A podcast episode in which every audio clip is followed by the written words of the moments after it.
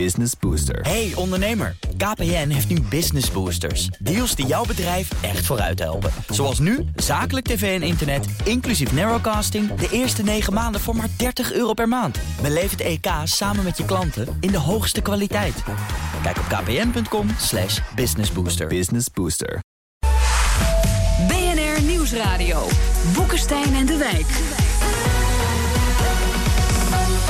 Jan Postma. Hij stapt uit het klimaatakkoord van Parijs. Artikel 5 van de NAVO, moi, dat wil hij niet echt omarmen. En die G7-top die was ongemakkelijk en leverde eigenlijk niet zoveel op. Angela Merkel weet het wel. Europa moet uh, door Trump op zoek naar een nieuwe bondgenoot. Wir Europäer müssen unser Schicksal wirklich in unsere eigene Hand nehmen.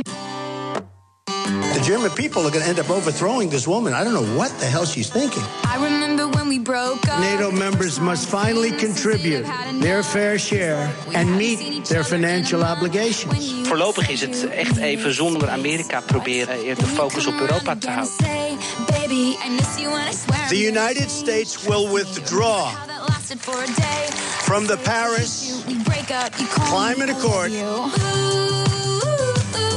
I reaffirm clearly that the Paris Agreement remains irreversible and will be implemented not just by France, but by all the other nations. Make our planet great again.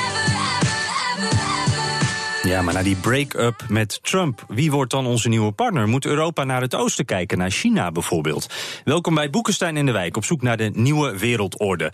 Met in de studio, ja, Parijsakkoord. Als hij aan het Parijs van Sartre denkt, dan krijgt hij het vanzelf een paar graden warmer. Arend Jan Boekenstein.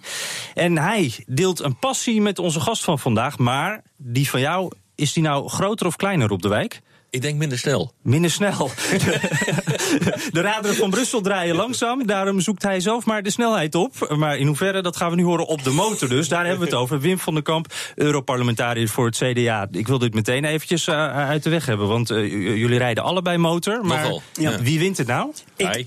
Ja, en Ja, ruim nee, ook als is- zie. Ja? Ja, Nee, het is kijk, moeilijk ik- om dat te herkennen, maar het is zo. Ik heb eh, A, betere spullen en B, eh, ben ik een betere motorrijder. Ja. Ja, je bent waarschijnlijk wat meer onverantwoord op de weg dan Ja. ik. Je bent, Hier kunnen we... Was dat een voorzichtige? Wij houden het bij de fiets toch aan, Jan. Dat is sowieso beter. Goed. Hier Ehm, kunnen we heel kort over zijn. Ja, inderdaad. nou, dan hebben we dit ook afgehandeld. Wat zijn, de, wat zijn de vragen, Jan? Nou, laten we het dan toch eens even over het klimaatakkoord hebben. Hè. Motoren, klimaatakkoord, klein eh, stapje. Heel veel gebeurt deze week. De verhoudingen veranderen in de wereld, wordt dan gezegd. Rob, ehm, Trump is er nu definitief uitgestapt. Wat is nou precies het signaal dat hij hiermee afgeeft? Nou, heel simpel. Einde van het Amerikaanse leiderschap. Dat is ook precies de discussie waar we nu een, eh, die we op dit ogenblik hebben over wie is dan de leider in de wereld. Eh, Dit is cruciaal. Als je nou nog niet begrijpt dat de wereld aan het veranderen is, dan weet ik het ook niet meer. Ja, Arend Jan, kom op. Nou, het is eigenlijk heel simpel. Misschien is het wel de geboorte van een nieuwe Europa-China-as. Ja. Een hele nieuwe wereld waar we ingaan. Hey, en dan nog even één stapje terug. Hè. Is dit nou een signaal van, van Trump eh, aan ons, aan de wereld? Of is dit vooral een signaal aan zijn eigen achterban? Is dit ook een verkiezingsbelofte en gaat het daar dan om? Beide. De verkiezingen, Allebei. de achterban vindt het natuurlijk prachtig. Bannon vindt het allemaal heerlijk. Heeft het ook allemaal geschreven, die zinnen. Ja, die is En- weer helemaal terug in het Witte Huis. Is En, een signaal aan ons, aan de wereld, is van... ja, je kunt het op Amerika niet meer zo vertrouwen als het vroeger het geval was. Ja, eh, Wim van der Kamp, eh, als we het dan hebben over dat klimaatakkoord. Brokkelt dat dan af? Of is dit ook juist een signaal aan de andere la- landen van... hé, hey, we moeten dit echt doorzetten. We hebben nu bijna een soort nou, gemeenschappelijke vijand. Laten wij het dan maar doen. Ik heb zelfs de indruk dat Trump precies het omgekeerde bereikt van wat hij bedoelt. Als je bijvoorbeeld gisteravond de tweets las van de Franse president, dan zegt hij: Amerikaanse milieuwetenschappers, kom naar ons. Kom In het hier, Engels, in het Engels. Engels. Kom hier de, de Europese eh, eh, klimaatkennis eh, vergroten.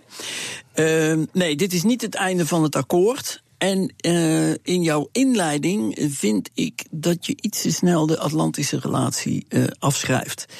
Eh, Trump is een, ook weer een man die een keer weggaat. Het kan helaas uh, acht jaar duren, maar als hij zo doorgaat, dan weten we niet. Dan denk ik wel dat hij niet herkozen wordt.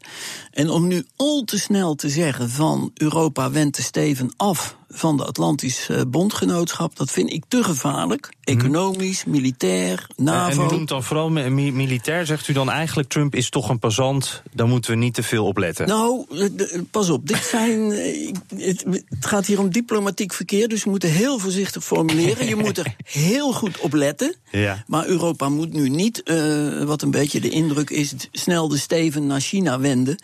Dat vind ik een te eenzijdige benadering. Wij gaan meer meer naar een multipolaire wereld dan een bipolaire wereld. En uh, ik denk dat met name West-Europa ook met de Brexit uh, in het vooruitzicht voorzichtig moet zijn om al te snel uh, de Atlantische relatie af te schrijven. Nou ja, wij willen doen dat niet, maar Trump doet dat op dit ogenblik. als je hoort wat daar gebeurt, dan is dit het einde van het Amerikaans leiderschap. En dan kun je wel zeggen. Ja, dat is niet goed. Ja, dat, dat vind ik ook. Ik vind ook dat die uh, Atlantische band, transatlantische band, absoluut overeind moet, uh, moet blijven. Maar tegelijkertijd kunnen we niet acht jaar wachten en hopen totdat er eens een keer iets ten goede keert. Ik bedoel, eh, hoop is geen beleid. Ik bedoel, daar heb je dus helemaal niks aan. het is misschien een goed gevoel, maar daar houdt het dan ook mee op. Maar we zullen toch echt maatregelen moeten nemen om dit te compenseren. Zeker, maar nogmaals, het, het zijn graduele verschillen. En uh, ik ben nog steeds overtuigd dat het Amerikaanse systeem veel factoren heeft van correctie en uh, balancering ja, van, van die Trump. En kijk even de minister van Buitenlandse Zaken. Oud Esso-man is een voorstander van COP21. Die Exxon, Exxon. Exxon. ExxonMobil, die ja. Man, die man weet... COP21, moet u maar ook even helpen. Oh, COP21, dat is het grote milieuakkoord... wat wij in uh, december 2015 ja. uh, hebben gesloten in Parijs. Ja. Wat hij nu opzegt. Maar da daar zit ook weer een addertje onder het gras voor hem. Want in dat verdrag zitten bepaalde opzegbepalingen... waardoor hij er dus niet vandaag uit kan. Ja. Dit wordt een enorm diplomatiek gevecht... waarbij zij in ieder geval nog drie jaar gebonden zijn. Ja. ja. ja. Nog even over dat Amerikaanse leiderschap dat dan afgelopen zou zijn. Kijk, Merkel is altijd heel voorzichtig. Hè? Zij zei van. Uh, nou, maar ze was nu niet voorzichtig, toch? Ze zegt wij kunnen niet meer vertrouwen op de VS. Ja, maar we moeten alleen verder. Maar ze zei er ook bij: we willen natuurlijk heel graag goede contacten met Amerika hebben. Dus uh, het, de achterdeur stond wijd open en meer dan dat. Wat wel zo is, is dat en dat, dat, dat, ziet Merkel heel sterk en Macron ook. Dit is ook het moment van Europa. Hè? Als ja. Amerika dus minder betrouwbaar zou worden, dan moet Europa meer zelf gaan doen. En dan is het ook logisch dat je meer naar China gaat kijken. Ja, ja, Ik bedoel, dat is gewoon hoe internationale betrekkingen functioneren. Of je het nou leuk vindt of niet. Maar dan is het dus niet of-of. Het is eerder en-en. En mag ik misschien nog even terug naar januari van dit jaar? In januari van dit jaar stond de Europese Unie er emotioneel. Uh, niet best voor. Niet best voor. Nee. Nu zijn we op uh, 3 uh, juni. Uh, 3 juni hebben we gehad uh, Oostenrijkse presidentsverkiezingen van der Bellen. We hebben Nederlandse parlementsverkiezingen gehad. Gezondheid daar en Jan. Ja. En we hebben uh, Franse presidentsverkiezingen gehad. En we zijn in afwachting van de Duitse parlementsverkiezingen. Ja, ja, ja. De sfeer rond Europa mede door Trump, is op dit moment totaal anders ja. dan in januari. Ja. En dan zie je hoe snel het kan, uh, kan veranderen. Nou, maar Wim, we zijn wel uit een diep dal gekropen, hoor. Ja, nee. uh, ik bedoel, sinds uh, de financiële crisis over de wereld raasde... is menigmaal de dood van de Europese Unie gepredikt. Dat is godzijdank niet, niet gebeurd.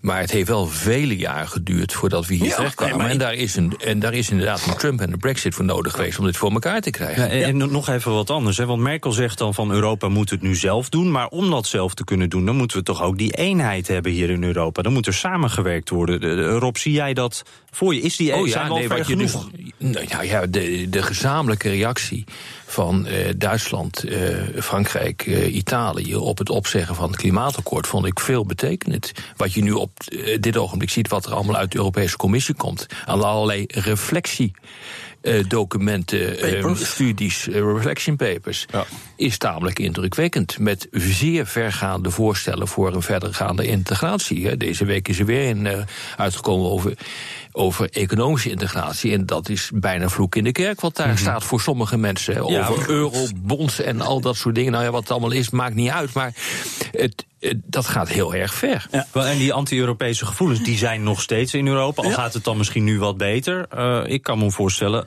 hoe, hoe- ja, moeilijk te verkopen ook dan aan die mensen die niet voor een groter Europa zijn. Ja, ja. Hoe gaat u dat doen? Ja, die vraag die is mij de afgelopen acht jaar eh, heel vaak gesteld. Maar dan heeft u vast een heel goed antwoord. Ja, en het, ik zeg dan altijd het volgende. Als ik het antwoord zou weten, dan zou ik hier niet zitten.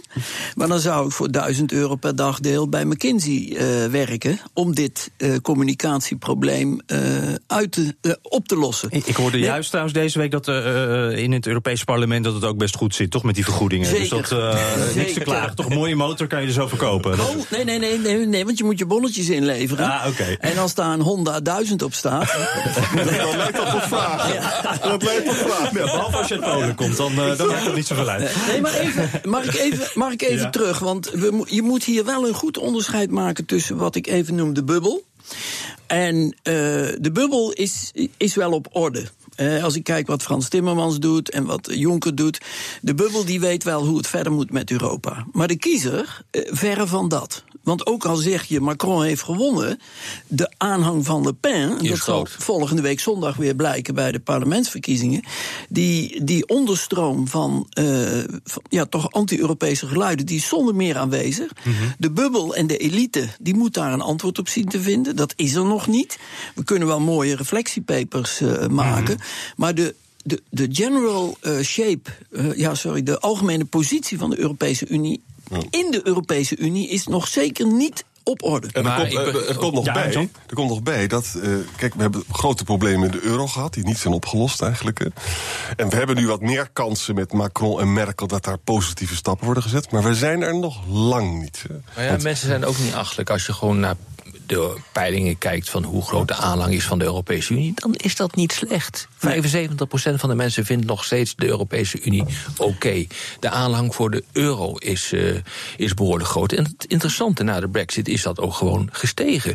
Dus ook al kunnen veel mensen niet precies beredeneren waarom Europa goed is, wat je dus nu ziet, is toch ook een, een voorzichtige omslag in de peilingen, in de publieke opinie. En dat heeft natuurlijk gewoon te maken met het feit dat men denkt van... oh mijn god, wat gaat er gebeuren, gebeuren met Trump en de brexit? Laten we elkaar maar een beetje vasthouden. Ja. Dat is altijd geweest. Dat is heel- in de hele geschiedenis is het vrij Ja. normaal geweest dat zoiets gebeurt. En eh, wat ongelooflijk interessant was dat zelfs binnen het Front National van Marine Le Pen werd er dus ruzie gemaakt. Want Die mevrouw Marine Le Pen wilde dus uit de euro. En die mevrouw Marion in het zuiden wilde dat helemaal niet. Dus zelfs daar, hè, 60% van de Fransen wilde doorgaan met de euro. Ja. En, en vergis je niet, we moeten nog één stapje verder terug. Eh, toen Poetin de Krim eh, binnenviel, toen begon dit proces Ja, al. ja, dat is van, klopt. van pas op, hey, er zijn blijkbaar krachten buiten ons... die groter zijn dan wij zelf. En wij moeten ons wel goed bezinnen op wat we, wat we doen. Maar, maar dat was blijkbaar niet genoeg. En Trump heeft dan toch dat laatste zetje Ja, gegeven. nee. Is dat dan nee, waardoor maar- we onszelf als Europa een beetje gevonden hebben? Ik ben op 23 juni s'avonds netjes om 11 uur naar bed gegaan. Ik denk, nou, dat zit wel goed met het referendum. Toevallig werd ik wakker eh, om 5 uur. Laat ik eens even het nieuws luisteren. En toen gingen ze eruit. Nou, ik heb niet meer geslapen tot, eh, tot 8 uur. Want het was toch wel een, een wende, zoals dat heet op zijn Duits. Ja. Nou, nu, dus we hebben dus de Oekraïne-crisis gehad. We hebben nu eh, re- referendum en Trump. En dat zijn drie buiten Europese injecties. Ja, en nu slaapt u weer lekker, toch? Dat Voortreffelijk. wordt het vanaf nu China first voor de EU. Nieuwsradio. Boekenstein en de Wijk. Op zoek naar de nieuwe wereldorde. Dit is Boekenstein en de Wijk. En dat programma is natuurlijk niet zonder Arend-Jan Boekenstein en Rob de Wijk. En te gast Wim van den Kamp, Europarlementariër voor het CDA. Ja, moet de EU de blik verleggen van Trumps Amerika naar het oosten, naar China? Eh, Wim van den Kamp, lid van de China-delegatie in het Europees Parlement. Het is niet toevallig dat we u deze week hebben uitgenodigd. Precies deze week is er ook een EU-China-top. Eh, toeval bestaat niet, toch? Uh, nee, ik denk dat jullie gewoon een goede programmering hebben. ik wilde meer op die top, dat dat geen toeval kan zijn. Sorry. Al zal ik dit niet tegenspreken. Ja, ja, ja, ja, Nee, nee die, top, die toppen die zijn eindeloos lang uh, gepland. En de Chinese premier is twee dagen in, in Brussel, of in ieder geval 24 uur in Brussel geweest.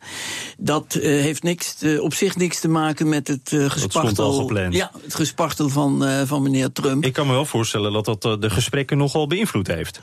Uh, nou ja, kijk, wij als leden van het Europees Parlement, wij controleren uh, de heer Jonker en de heer Timmermans. Dus ik heb niet bij die gesprekken uh, gezeten. Ah, Ga ervan uit. Ja, pas op, ga ervan uit. Die Chinezen die komen hier toch vooral voor handel. Ja. He, die, mm -hmm. vinden, die vinden het milieudebat, dat wordt steeds belangrijker, ook in China. Meer uit noodzaak, omdat de steden vervuild zijn, dan uit overtuiging. Maar uh, die hele top, hè, gisteren was er de hele dag een grote ontmoeting met het Europese bedrijfsleven. Zij komen hier voor 80% voor, uh, voor handel. En dan zit er een stukje uh, milieu bij, een stukje, mm. hopelijk een stukje Noord-Korea en een stukje Zuid-Chinese zee. Maar de eerlijkheid gebied te zeggen, het zijn net Hollanders. Handel, lekker geld verdienen. Handel first. Ja, Gaat natuurlijk. het ook over het investeringsverdrag? Zeker. Zeker. Nee, maar die, onze relatie met China die is zo buitengewoon complex. Uh, zij hebben ons nodig als afzetmarkt. Ja. En wij willen, om het even heel uh, duidelijk te zeggen, wij willen niet dat alle Chinese treinen leeg teruggaan naar China. De, de, nieuwe zijderoute hebben we het dan over, ja. Ja, dat is ook een bijzonder element waar ik mm -hmm. uh, mij mee bezighoud. Maar er komen natuurlijk duizenden wagons uh, spullen uit China hier naartoe. En mm. ik, bijvoorbeeld Friesland Campina, die mm -hmm. heeft het heel goed begrepen. Veel melkpoeder. Uh, Want die, die wil, die wil die melkpoeder inderdaad ah. met die treinwagons terugsturen. Dat begint nu wel te komen overigens, ja. hè? Ja, maar, de, maar even voor de duidelijkheid. De handelsbalans tussen China en Europa, die is volstrekt onacceptabel. Ja. Zij importeren voor uh, 500. Wij Klinkt import... net als Trump nu. Uh, ja, oh ja, goed. Beetje. je kan van Trump veel zeggen, maar hij houdt het debat wel levendig. Ja, ja, dat probeert u nu ook te doen. Ten, tenzij, ja, tenzij, het over koffie uh, gaat, want dan weet, natuurlijk, weet, natuurlijk niemand wat het niet betekent. Nee, nee, maar even, even voor de duidelijkheid. Wij, zij importeren 500 miljard euro per jaar naar uh, Europa en wij 385 miljard die kant op. He, dus uh, waarvan Duitsland een groot gedeelte heeft. En Duitsland exporteert meer naar China dan naar de Verenigde Staten. Ja. The ja. world is changing. Ja, ja de, daarover, Arend Jan. Uh, wij zoeken die samenwerking steeds meer op. Ik hoor dan in ieder geval dat de Chinezen er op dit moment meer van profiteren. Uh, als je naar die handelsbalans kijkt, kunnen wij China eigenlijk wel aan op dit moment? Als okay, Europa. Er zijn allemaal uitdagingen. Wat we ontzettend graag zouden willen. Chinezen kunnen heel makkelijk bij ons investeren. dat is allemaal helemaal niet moeilijk. Maar daar moet je altijd uh, via een lokale partij. Wat, wat ons ontzettend remt. Hè. En wat je nou zou hopen is dat door toch de spanningen die bestaan tussen, uh, tussen China en Europa. Dat het misschien mogelijk is meer met China samen te werken. En als ze op dit punt zouden, bereid zouden zijn toe te geven. Ik vraag me zeer af of dat gaat gebeuren. Maar dat zou ons ontzettend helpen natuurlijk. Dus ja. ze zijn eigenlijk best protectionistisch dan. Ja. Ze, zijn, ze zijn zeer protectionistisch, maar daarom uh, is de milieukwestie uh, zo'n geweldige kans. Ja. Als je met Parijs. De, ja, als je met de Chinezen tot een uh, uitwerking zou kunnen komen van jullie hebben de productie, maar wij hebben de knowledge, en je zou dat zeg maar in een soort milieu, bilateraal milieuverdrag kunnen vastleggen, mm -hmm. dan kan je later, want Chinezen zijn ontzettend gevoelig voor sfeer. Als het, bovendien, wij zijn als westerse mensen ook Hollanders. Wij zijn veel te arrogant. Wij komen daar binnen en wij zeggen meteen waar is het contract? En ja. uh, kunnen we tekenen? En wat is de prijs? Nou, dat is volstrekt verkeerd. Ja. Je moet met die mannen eerst een paar uur eten, de stad verkennen. Weet en nog een keer terugkomen. En nog een keer terugkomen. En dan als je dan een sfeer hebt en een relatie. Nou, daarin zie ik dus het milieuakkoord als een soort uh, katalysator. Smeermiddel. Laten we nou eens kijken of we met milieu tot een, uh, tot een goede afspraak kunnen komen. Zij hebben onze kennis hard nodig. Ja. He, Arcadis, uh, Heide, nou dat is hetzelfde. Maar die ingenieursbureaus die kunnen goed werk leveren. En dan wel later dat we wellicht dan dat investeringsverdrag kunnen sluiten. Maar ze zijn erg protectionistisch. Zie je met, zie je met China een, eh, een grote vrijhandelszone in Azië ontstaan? Dat is natuurlijk op zich een interessante ontwikkeling. Het lijkt dat we die richting opgaan. Uh, dat wordt door velen toch wel in toenemende mate gezien als een alternatief voor de relatie met eh, de Verenigde Staten. Als Trump inderdaad zo protectionistisch wordt, dan is het logisch dat de Europese Unie daarnaar gaat kijken en daarop aanstuurt. Ja. Ja, als je het hebt over een vrijhandelsrelatie, uh, vrijhandelsrelatie tussen China en Europa, dan zie ik dat nog eerder gebeuren dan met de omliggende landen van China. Uh, vergis je niet, hè, nu met de One Belt, One Road uh, discussie. De zijderoute. De zijderoute. Daar zit ook een zeker kolonialisme in. Ja. Hè, er zijn heel veel landen die denken: ja, het is wel mooi dat jullie hier een grote spoorlijn aanleggen door Laos. Maar zij dicteren alles. Hè. Zo is het. Zij mm -hmm. dicteren de dijk, de omvang van de aanliggende industriegebieden, ja. de havens, enzovoort, enzovoort. En het is lang niet zo vriendelijk zoals wij gewend zijn uh, te investeren. Zij bepalen de standaarden. Alles. En, alles. Ja. En ik denk ook dat degenen die zich altijd tegen bijvoorbeeld handelsverdragen als TTIP hebben gekant, eigenlijk op dit ogenblik bezig zijn om zich in de eigen voeten te schieten. Ja. Want je wil dus TTIP niet omdat Amerika chloorkippen maakt. En dat ja. is toch een verschrikkelijke standaard. Dat kunnen we toch niet accepteren. En wat gebeurt er? We moeten ons richten noodgedwongen, omdat Amerika protectionistisch wordt en omdat die verdragen worden afgeschoten op China. En wat doen die? Nou, dat gaat wel iets verder dan chloorkippen. Ja. En we hebben het maar te accepteren. Ja, ja want wij hebben het dan over arbeidsomstandigheden. Arbeidsomstandigheden, maar uiteindelijk, daarom is die hele milieudiscussie zo interessant. Maar het gaat inderdaad over arbeidsomstandigheden, al dat soort dingen, handelsnormen, eh, die in belangrijke mate natuurlijk gewoon door China worden bepaald. En dat komt vooral omdat er zoveel Chinezen zijn, dat het land zo groot is. Er zit een dieper economisch uh, verhaal onder waar ik echt van wakker lig. China de Chinese overheid geeft veel meer geld uit aan R&D dan percentueel, als, als percentage van BBP, dan Europa dat doet. En zeker dan dat Nederland doet. Ze zijn de top in gentechnologie, mobiele technologie en kunstmatige intelligentie. Zonnepanelen zijn geweldig. Ja. Wij zitten echt een beetje te slapen. Ja. Maar Arjan, dan kom ik toch weer even terug bij, bij het vorige. Kunnen we die Chinezen dan wel aan? Want met die zijderoute hebben zij het heft in handen. Uh, qua ontwikkeling, uh, we hadden het net over de kennis, maar die hebben zij blijkbaar ook. Wat, wat gaan wij dan doen? Wij moeten dus veel harder werken. We moeten meer R&D doen. Onze universiteiten moeten beter worden. Het is echt uh, 5 ja, voor 12. Daar moet ik toch wel een kleine kanttekening bij maken. Want ik heb toch wel eens de indruk dat één Delftse ingenieur... of één Delftse PhD... dat die meer bereikt dan vijf Chinezen. Uh, het is een ander cultuur. Maar het is een Chinees die een PhD haalt in Delft. Jawel, en, en vergis je niet, ik zeg altijd vaak bij uh, copyright dat wordt in China gelezen als het right to copy. Ja. ja. Dus uh, uh, pas op. En uh, de cultuur is anders, het initiatief nemen is anders, het je baas voorbij durven streven is anders. Dat kennen ze allemaal niet. En een van de grote producten die wij kunnen exporteren is governance. Hoe leid je een bedrijf? Hoe leid je een provincie? Uh, corruptievrij. Mm -hmm. Want het land heeft... Maar zijn ze er echt in geïnteresseerd? Want het is een staatskapitalistisch systeem. De, de staat bepaalt ja, alles. Ja. Maar het, het uh, corruptie, de corruptie is zo ver uh, door voortgeschreden... dat de president nu ja, zelfs zijn naaste ministers in de gevangenis ja. laat zetten.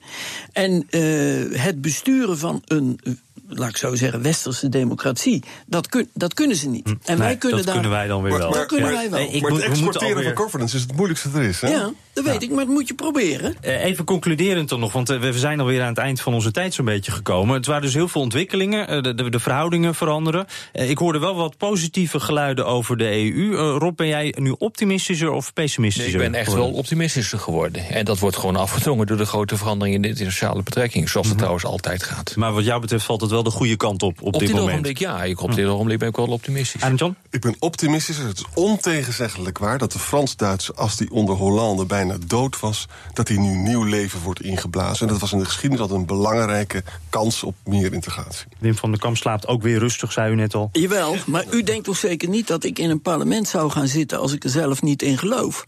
He? Dat lijkt dus, me wel belangrijk. Uh, ja. ja. ik ben ook optimistisch maar over dat de geloven EU. is soms wel eens wat makkelijker geweest. Uh, of soms wel eens wat moeilijker geweest, denk ik. Als je vergelijkt met januari 2017 en nu, dan hebben we weer een enorme sprong gemaakt. Gas op die lolly. Ja, even heel wat anders. Als Rob even heel erg boos wordt van iets in het nieuws, dan geeft hij even plankgas. Zowel in de auto als op de motor, denk ik. Ja. En wat is er nou deze week eh, gebeurd wat jou eh, zo is bijgebleven dat je dat nu even met ons moet delen? Arend Jan. Oei. Ja. Maar, maar Kijk, wij zijn eh, nu bezig met de opnames voor een eh, televisieprogramma ehm, over internationale politiek. En dat verliep tot nu toe erg goed. Totdat je Arend Jan in zwembroek in beeld kwam. en ik moet zeggen, onze gast, Sigrid Kaag, toch een hele hoge VN-functionaris. Heeft en ik veel waren gezien van de wereld. totaal verbijsterd. Dit wil je straks niet zien op televisie.